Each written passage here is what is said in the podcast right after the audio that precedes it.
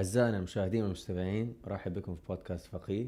حقيقة اليوم عندنا ضيف استثنائي آه، صديق عزيز ودرس أخويا البروفيسور آه، عبد الرحمن الشيخ آه، أستاذ في جامعة الملك عبد العزيز وطبيب استشاري في الأمراض الباطنية والغدد بمستشفى دكتور سلمان فقيه أهلا وسهلا بك يا دكتور. يعطيك العافية وجزاك الله خير وشكرا على هذا البرنامج الناجح. وإن شاء الله نضيف الفائدة في هذا فيه إن شاء الله بإذن الله. والله أنا مرة سعيد بوجودك يا دكتور. الله يسلمك يا فروف طيب حندخل في موضوع آه السكري الداء السكري وحجم المشكلة في المملكة. أنا أفتكر آه من حوالي شهر آه كنت أنت القيت محاضرة في حفل تدشين كرسي دكتور مازن فقيه طبي آه للداء السكري. فكنت بتتكلم أنت بحرقة يعني كنت مرة منفعل وبسبب حجم المشكلة في المملكة. الحقيقة أنا قبل ما أبدأ في أول شيء أنا آه، رئيس الجمعية العلمية للداء السكري وفي نفس الوقت رئيس الجمعية الخيرية لأصدقاء السكري. ولي الشرف إني أعمل في صرح آه، كبير آه، طبعا في البداية في جامعة الملك عبد العزيز وأيضا في مستشفى الدكتور سليمان فقيه من أكثر من 20 سنة. وطبعا حالات السكري بتمر علينا كثير جدا سواء في الجامعة أو سواء في مستشفى الدكتور سليمان فقيه. الحرقة هي في الحقيقة لعدة أسباب. المحاضرة كانت هي عن ال burden of diabetes اللي هو مدى آه، اللي هو المرض السكري وانتشاره وما هي سواء كانت بالانتشار أو القيمة العلاجية للمرض. وكانت طبعا بحكم خبرتي في هذا المجال وترأسي لجمعيتين العلمية والخيرية لاصدقاء السكر فعندي طبعا اللي هي مدى انتشار المرض. للأسف إن المرض عندنا في السعودية نحن نعتبر من العشر الأوائل في انتشار المرض. طبعا هذا الشيء له مسبباته له أسبابه.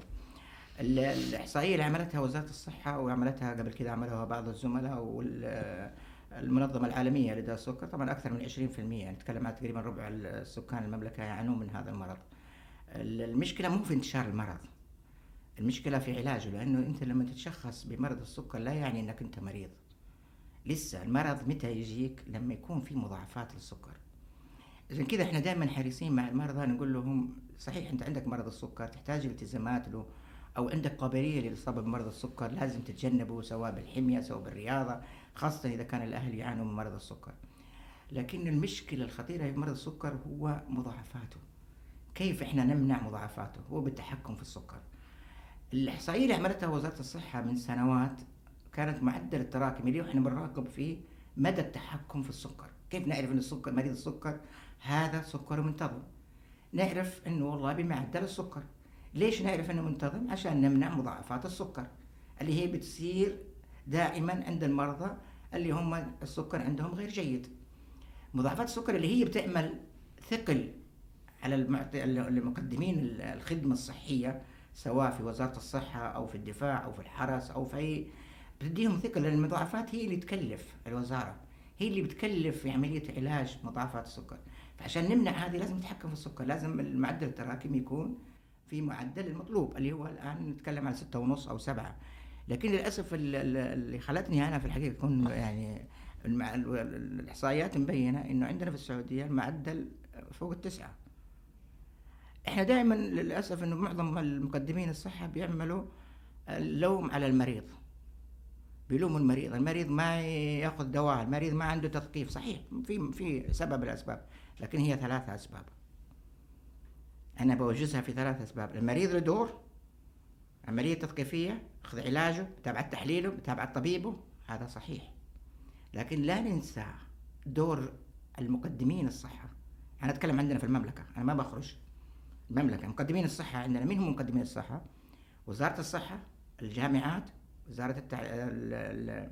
وزارة الحرس الوطني الدفاع وطبعا المستشفيات الخاصة ومعظم المرضى طبعا عندنا في السعودية مرضى السكر اتكلم عنهم بيتعاملوا 80% في الحكومي. طيب فين التقصير اللي بيكون من مقدمين الصحة؟ الصحة لو تطالع في المواعيد المرضى أنا أتكلم من خبرتي أنا ومن اللي بشوفه إنه مواعيد مرضى السكر خاصة النوع الأول تاخذ موعد تبدأ على إنسولين تدي موعد يروح المريض ياخذ ثلاثة شهور أربع شهور ستة شهور عشان ياخذ موعد.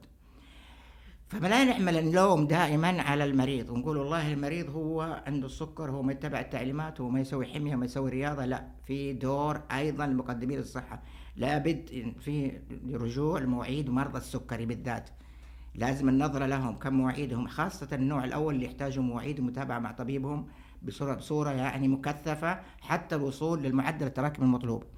الشيء الثالث هو توفر العلاجات. طبعا صحيح الدولة ما بتقصر بتوفر العلاجات سواء في وزارة الصحة في وزارة الدفاع خاصة الآن يعني جزء كبير من المجتمع برضو عندهم تأمين وممكن يتوفر علاجاتهم بس برضو يعني في فئة ما عندهم تأمين في فئة عندهم صعوبة الوصول للمستشفيات في صعوبة بأخذ العلاجات فيكون في تقصير في الاستمرارية في العلاج معين. فهي ثلاثة محاور في الحقيقة هي اللي أدت إن موضوع السكر عندنا في المملكة اللي تكلموا إنه والله إحنا كأطباء دائما نقول نبغى المعدل التراكمي أقل من سبعة أقل من سبعة لكن لما الاحصائيات طلعت بينت إنه جزء كبير من المرضى المعدل التراكمي حقهم أعلى من ثمانية ونص. وهذه اللي أنا أعتقد من خبرتي في متابعة مرضى السكر هي الأسباب صحيح المريض له دور المقدمين الصحة لهم دور وكمان العلاجات وتوفرها لها دور. الأسباب أكثرها آه، مكتسبة ولا وراثية دكتور؟ أسباب السكر طبعا جزء منها هي هو ليش إحنا عندنا السكر؟ الآن نتكلم عن النوع الثاني. النوع الثاني هو موجود في أجسامنا في أسباب وراثية أو جينية بس ليه ما خرجت طبعا قبل 50 سنة 100 سنة؟ ليش نسبة السكر 3% يعني نتكلم في أول دراسة عملت للسكر كانت في في 1983 في المملكة. أول دراسة في المملكة عملت عام 1983 كانت على نطاق محدود من المجتمع السعودي. كانت نسبتها 3% بعدين ارتفعت عام 1987 إلى 5% بعدين وصل إيش اللي تغير في المجتمع؟ اللي تغير في المجتمع نوعية الغذاء. موجود. السبب الوراثي الجيني موجود في اجسامنا بس المجتمع قبل 50 سنة 100 سنة مجتمع حركي. مجتمع بيقضي حاجته بالمشي. بيستخدموا في جزء منهم كبير يشتغلوا فيها أعمال شاقة فيها حركة. آه، لكنه تغير المجتمع تغير نوعية الأكل أصبح الآن إحنا بنشوف مرضى يعني سكر بنشخصهم في العشرينات النوع الثاني قبل قبل 50 سنة 100 سنة ما بنشوف يعني ما, في كان يعني مرضى بيشخصون بالأعمار هذه من النوع الثاني. فانتشار مرض طبعا لمسبباته هو عدم الحركة بالشكل اللي هو مطلوب. وأيضا طبعا نوعية الأكل خاصة الوجبات السريعة والسكريات. والآن أصبح سهل الشخص ممكن الساعة 2 الفجر يتصل على مطعم يرسل من المندوبين اللي هم يوفروا طبعا أي حاجة تحتاجها خارج البيت في أي وقت من الوقت. أي وقت. فالوقت أصبح يعني فأصبح الحصول على غذاء. وكل ما لذ وطاب يعني. وكل ما لذ وطاب سواء فيها نشويات أو فيها دهون. فهذه طبعا سبب من الأسباب اللي هي زادت السمنة عندنا. وطبعا تعرف السمنة كم نسبتها الآن في المملكة؟ طبعا بين الرجال 40% وبين النساء 38% وهذه طبعا حتؤثر حتى على عمل الشخص. يعني الإنسان السمين مو زي الشخص اللي فيه الإنتاجية. طبعا الذهنية ما في فرق بس في الحركة حيكون في فرق. طب دحين بس إحنا يعني كثرة المماشي وكثرة الأندية الرياضية. طب هذه الأشياء ما أثرت في, في, في زيادة الوعي عند الناس أو تقليص النسبة؟ أنا بالحقيقة لا أقلل من دور البلديات خاصة في المدن الرئيسية.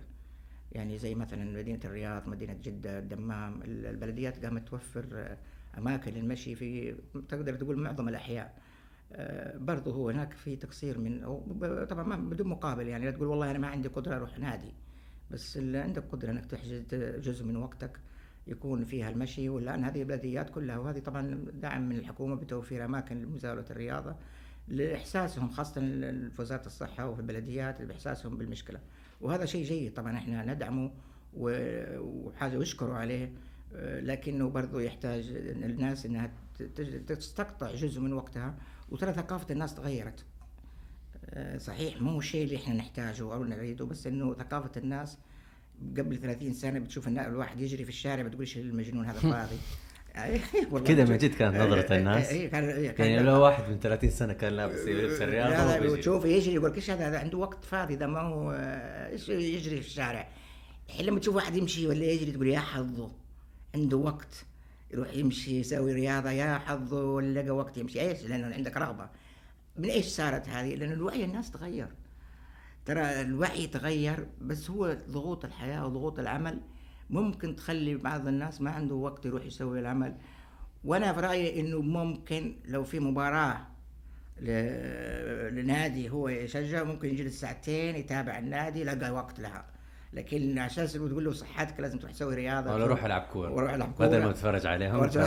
فهذه طبعا هي وجود المماشي الآن الموجوده في المدن الرئيسية طبعا ممتازة جدا وأتمنى تكون متواجدة في كل المدن سواء صغيرة أو كبيرة وتكون الناس برضو عندهم وعي لاستغلالها وطبعا عشان يص- يصلوا للفائدة اللي هي المرجوة من الرياضة. هو عنده كمان مشكلة أحيانا واحد يسوي رياضة بس في المقابل آه، التغذية عنده سيئة. ياكل جنك فود ياكل.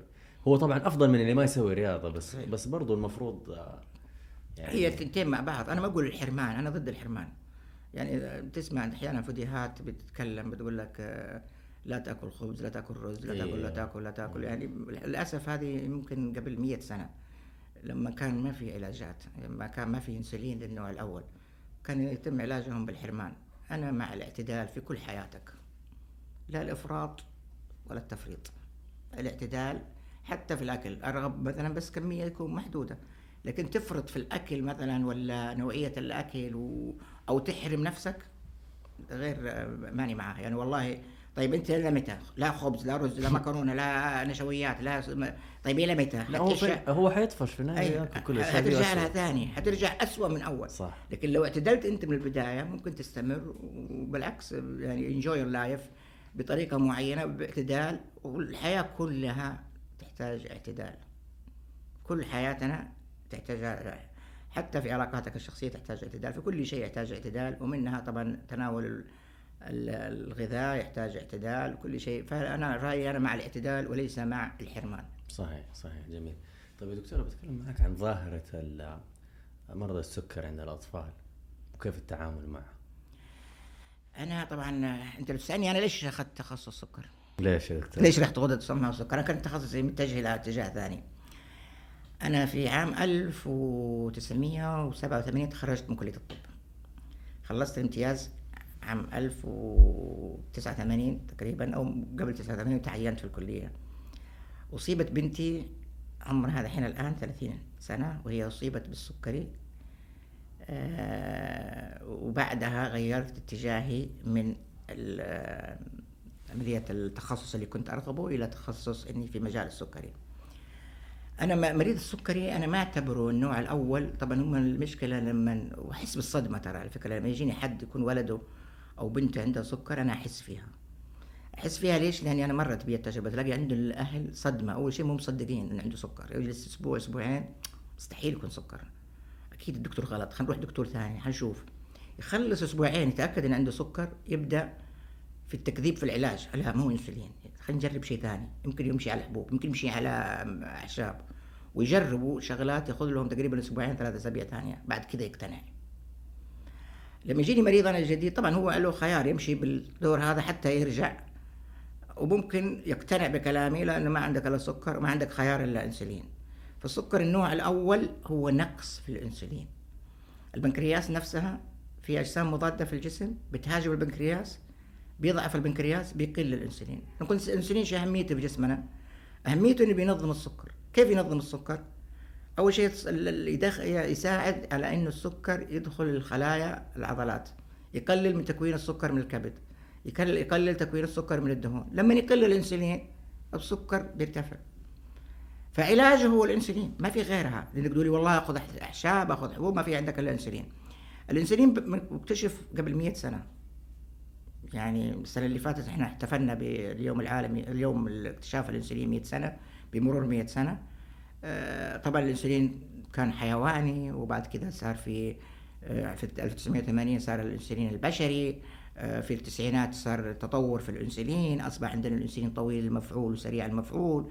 كل هذه أصبحت يعني بتساعد في عملية علاج مريض السكري النوع الأول. حتى وصلنا للمضخات ونوع المضخات الموجوده الآن اللي بتسهل للمريض التحكم في سكره. ال- ال- ال- الكثير من الناس طبعا مريض السكر يتعاملون معاه إنه والله ف- إنه مريض وإنه فرق عن اخوانهم مو صحيح. المريض السكري يعني عندي الآن أطباء تخرجوا أطباء ومهندسين ومحامين ومعلمين وفي أعمال كثيرة وهم عندهم السكر هم أطفال. المشكلة هي إنك أنت كيف تتعامل معه. أول شيء كيف تتقبل إن ابنك مصاب بالسكر. لا تأخذ وقت طويل خاص السكر هذا إرادة الله سبحانه وتعالى.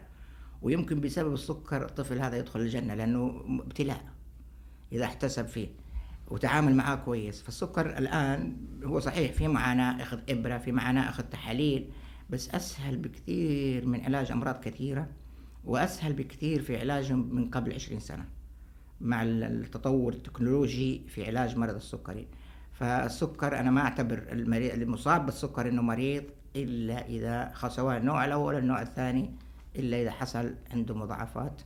وهذه اللي إحنا دائما نغرسها في مرضانا إنهم يتحكموا في السكر لتجنب هذه المضاعفات. طيب بالنسبة للمضاعفات في مضاعفات كثيرة على سواء القدم، الكلى، النظر. آه، ف أبغى أمشي معك وأدخل أكثر في موضوع القدم السكرية لأنها معاناة كبيرة جدا على المريض. إيش الأسباب اللي توصل المريض لهذه المرحلة المتأخرة في القدم السكرية دكتور؟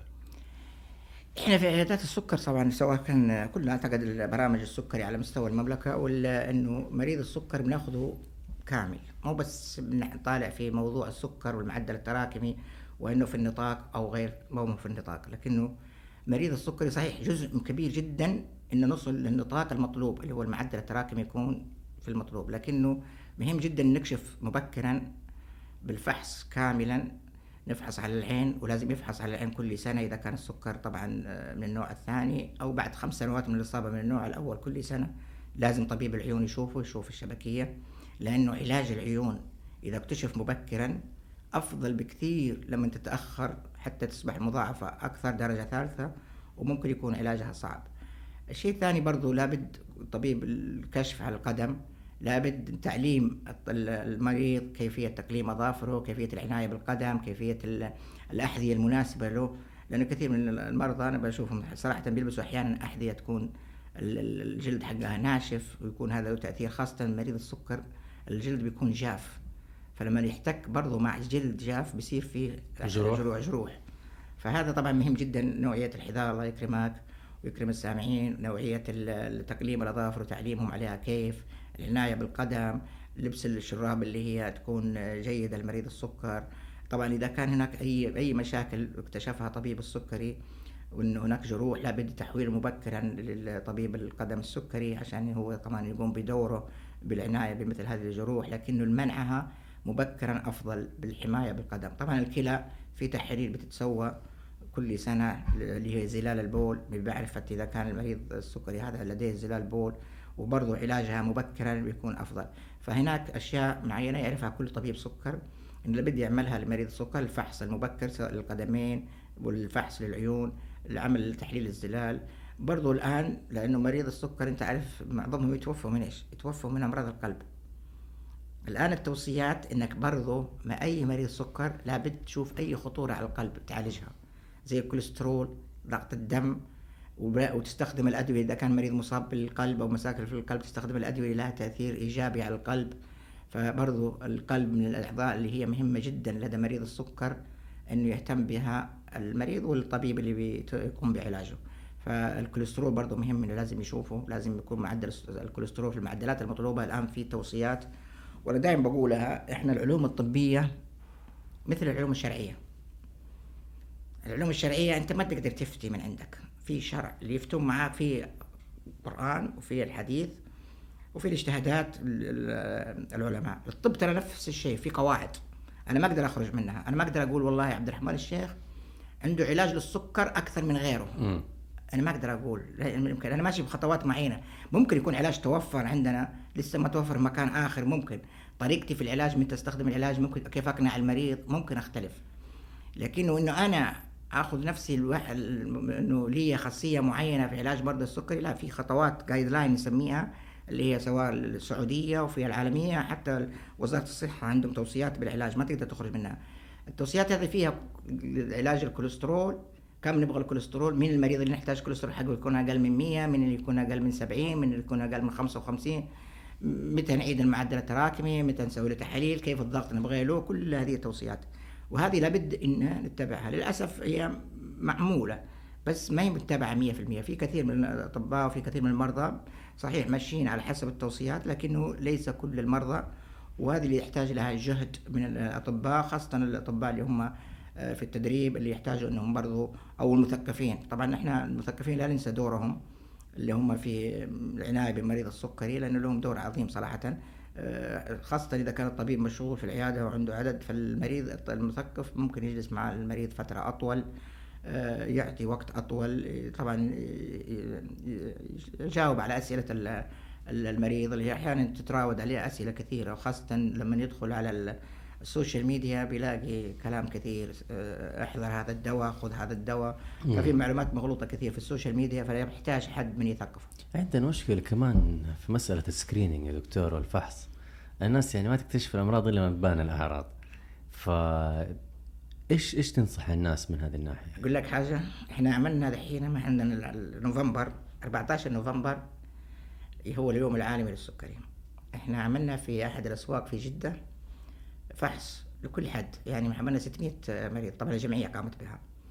تعرف كم مريض طلع سكر عنده وما عنده سكر؟ وما يعرف. 13 واحد. أوف. ما يعرفون عندهم سكر. حتى واحد منهم يقول أنا يعني ملغوف إني عملت تحليل. قول الحمد لله إنك سويت تحليل. وعرفت ان عندك سكر. يعني بي يعني بيذم نفسه إنه هو أخطأ يا ريتني ما أخذت يا ريتني ما سويت التحليل. يعني وهذا مو مو صحيح. فال screening بالعكس ننصح فيها خاصة إذا كان عندك في العائلة أهلك عندهم سكري. إذا كان آه، يعني تعديت ال 20 سنة ولو إني أنا أفضل كمان من 10 سنوات. حلو لأن في في الأطفال عندهم النوع الثاني. حتى لو كان انسان رشيق ويسوي رياضة وكذا. طبعا في علامات معينة تستدعي المفروض يعني أكثر. إذا واحد أفضل إنك تسويه. بس لما يجيني واحد سمين زايد وزنه أو أمه وأبوه عندهم سكر أو عنده علامات سكر أف مهم جدا يسويه. يجب أن يعمله لكنه لما تجيك افضليه لكل واحد يسوي خاصة السعودية لأن إحنا يعني نحتل يعني في الإحصائيات من اعلى الدول فيها نسبة السكري فيفضل كل شخص في العمر العشرين يعرف معدل سكره ويفضل خاصة إذا كان الأهل عندهم سكر أو عنده زيادة في الوزن أو عنده أعراض للسكر يفضل من سن مبكر. مهم جدا السكرين صراحة. جميل يا دكتور. وبالنسبة للقدم السكرية ليش دائما بنشوف إنه في أغلب الأحيان بتوصل في النهاية للبتر. هو إذا تأخر الشخص عن علاجها يعني مثلا والله عنده قدم سكرية عنده طبعا هي القدم السكريه تيجي نتيجة إيش؟ تيجي نتيجة شيئين العصب والدم. العصب إنه بيضعف مع مرض السكر خاصة لما يكون عندك السكر فترة طويلة ومرتفع يبدأ العصب يضعف ويفقد الإحساس. فممكن أي جرح وما يحس فيه. ينجرح ممكن من الجزم الله يكرمكم لكنه وما ما يدري. طبعا يتطور الجرح مع التهابات وهو ما يعرف عنه. فالسبب الأول فقد العصب. السبب الثاني الدم. والدم هذا كثير للأسف أحيانا ما ما يتم فحصها رغم إنه يعني التوصيات إنه لازم تفحص القدم حتى للدم تشوف الشرايين وخاصة إذا كان مدخن. الدم الأوردة الطرفية بتتأثر مع التدخين ومع السكر. فالسبب الثاني هو الدم. والسبب الثالث العدوى لأنه انت مريض سكر إذا كان أنت سكرك غير جيد بصير عندك التهابات بكتيريه أكثر من غيرك. فالثلاث الأشياء دي كلها عوامل بتؤدي للتقرحات في القدم. فإذا عولجت بشكل كويس مبكرا وتحسن الدم فيها راح دكتور الأوعية الدموية وتحسن الدم فيها والجرح برضه بالنسبة للبكتيريا عولج كويس ممكن يكون شفاء بالنسبة للجروح كويس. طبعا في أشياء في ال social media يقول لك تروحوا بعض الدول عندهم علاج أفضل هو مو صحيح.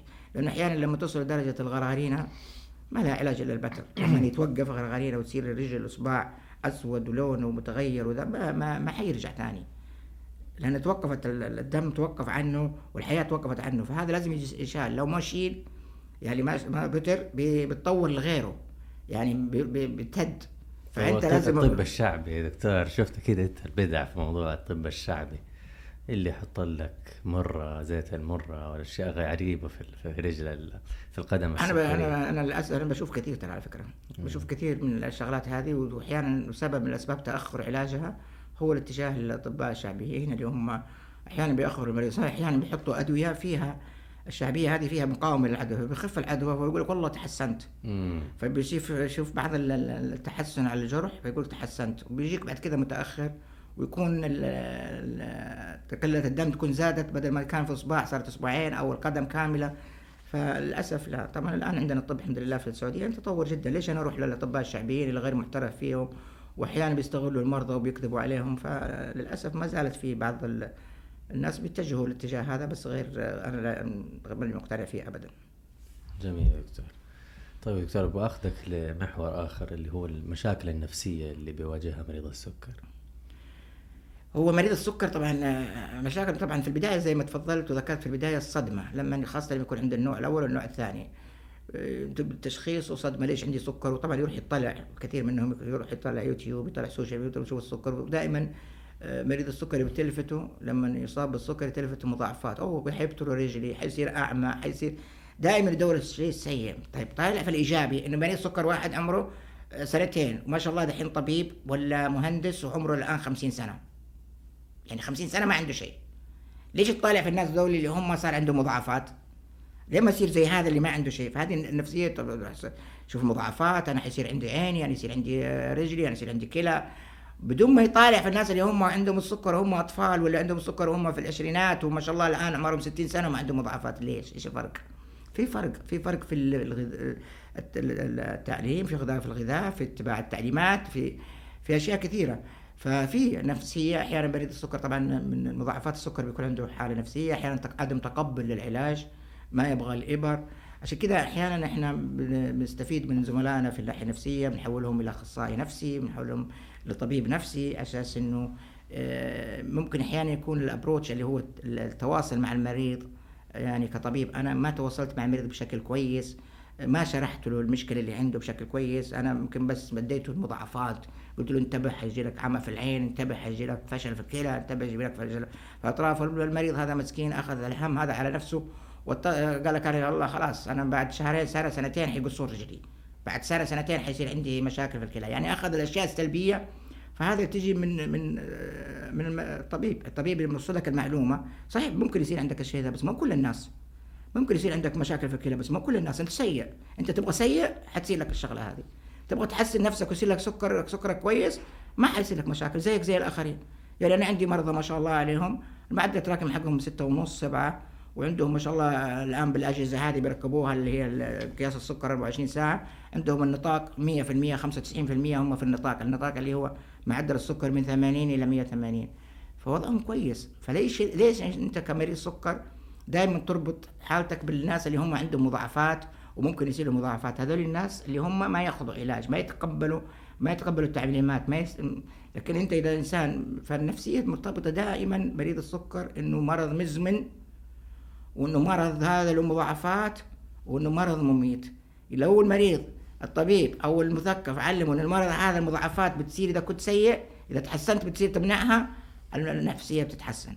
هذا جزء منها. الجزء الثاني بعض المرضى لما بعد 30 سنة ممكن تصير عندهم مشاكل آه، جنسية. طبعا تكون عندهم ضعف خاصة مع النفسية. فإذا ما عالجها بشكل كويس ممكن الحالة النفسية برضو عنده آه، تزيد سوءا طيب إيش يميز قسم الغدد وقسم الغدة الصماء في, مستشفى دكتور سلمان فقيه ولا وداء السكري عن عن غير غيرنا من المراكز. هو أول شيء الحمد لله يعني عندنا في آه، خاصة وحدة الغدد الصماء أو شيء فيها أطباء آه، كوادر جيدة. في عندنا مركز تثقيف آه، مريض السكري ممكن يعدي على التثقيف ياخذ وقته مع المثقف ممكن ياخذ وقته مع التغذية.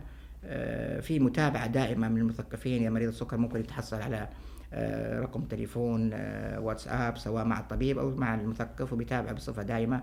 الشيء الثاني طبعا توفر الأدوية. عندنا طبعا التكنولوجيا الحديثة اللي هي في علاج السكري سواء كان المضخات الإنسولين اللي هي متوفرة على مدى المملكة طبعا متوفرة في مستشفى الدكتور سليمان فقيه ولها متابعة خاصة ولها عيادة خاصة لتركيب المضخات ومتابعتها. فهنا اللي هي اللي يفرق عن غيره هو توفر الأجهزة الحديثة وتوفر العلاجات بصفة دائمة وفي نفس الوقت هي المتابعة.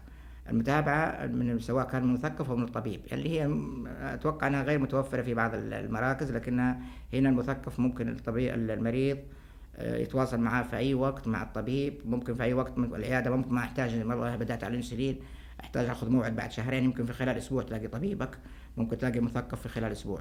فهذه من الأشياء الأساسية والمثقفين بيعطوا وقت كامل مع مع المريض. ولها تأثيرها لأنه أنا عملت دراسة في الحقيقة دراسة مقارنة آه، المعدل التراكمي في مرضى السكري اللي بيتابعوا في العيادات الدكتور مستشفى سليمان فقيه والعيادات الحكومية وجدت إنه في فرق في المعدل التراكمي آه، طبعا ما وصلنا للمعدل اللي إحنا نبغاه اللي هو 60% يكون معدل التراكمي حقهم أقل من 6.5 بس وصلنا ل 50% 48% يكون عندهم نسبة وهذه نسبة جيدة جدا مقارنة بال بالإحصائيات اللي هي معمولة من وزارة الصحة. ممتاز. بروف عبد الرحمن الشيخ آه، تشرفت الحقيقة بوجودك معنا وكانت حلقة جميلة جميلة جدا يا دكتور. يعطيك العافية وشرف لي الله يسلمكم ويعطيكم العافية والى الامام وشكرا لك خاصة. الله يسلمك شكرا يعطيك العافية.